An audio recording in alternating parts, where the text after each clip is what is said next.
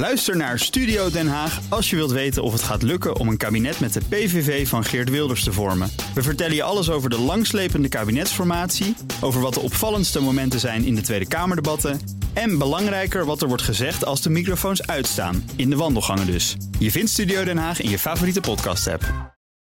De column van Bernard Hammelburg. Deze week, 20 jaar geleden, nam het toenmalige demissionaire kabinet Balkenende een bizar besluit. Nederland zou een Amerikaans-Britse inval in Irak politiek steunen, maar niet militair. Dus een beetje solidair met de grote leiders in Washington en Londen en een beetje solidair met de PvdA, die tegen de oorlog was, maar ook potentieel coalitiepartner. Beetje zwanger, zo gezegd. Het bleek een zinloze exercitie, want de onderhandelingen met de PvdA liepen vast en er kwam een kabinet van CDA, VVD en D66. Zeven jaar later zou de commissie Davids, die de episode tot in de details onderzocht, het politiek wel, militair niet besluit postuum in Spaanders hakken. Het maakte allemaal deel uit van een van de donkerste momenten uit de recente geschiedenis. Het duo Bush en Blair wist zeker dat Irak over massavernietigingswapens beschikte, hoewel een onderzoeksteam van de VN die niet kon vinden. Formeel beriepen de voorstanders van de oorlog zich op resolutie 1441 van de Veiligheidsraad, die Irak veroordeelde omdat het stelselmatig eerdere resoluties over ontwapening van het land had genegeerd. Op 20 maart 2003 vielen de Amerikaanse en Britse krijgsmacht Irak binnen. Met een beetje Nederlandse politieke steun dus.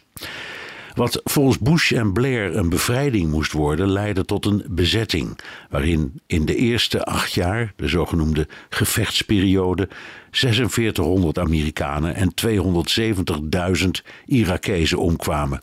De operatie kostte tot op dat moment 2000 miljard dollar.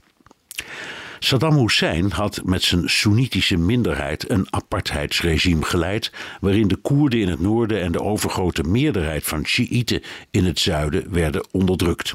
Het onderwijs, de krijgsmacht, de ambtenarij, de ministeries, vrijwel alles was in Soenitische handen.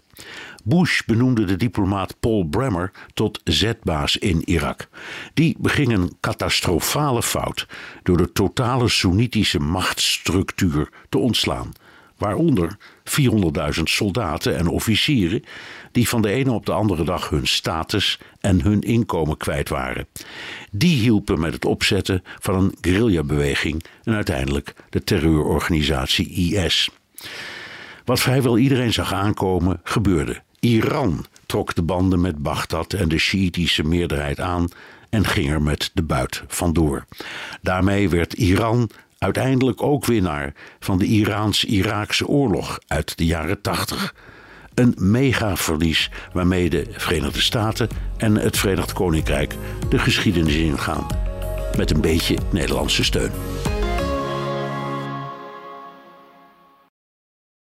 Ook Harm Edens vind je in de BNR-app. Je kunt BNR Duurzaam niet alleen live luisteren in de app, maar ook terugluisteren als podcast, zoals al onze podcasts. En naast dat de BNR-app Breaking News meldt, houden we je ook op de hoogte van het laatste zakelijke nieuws. Download nu de gratis BNR-app en blijf scherp.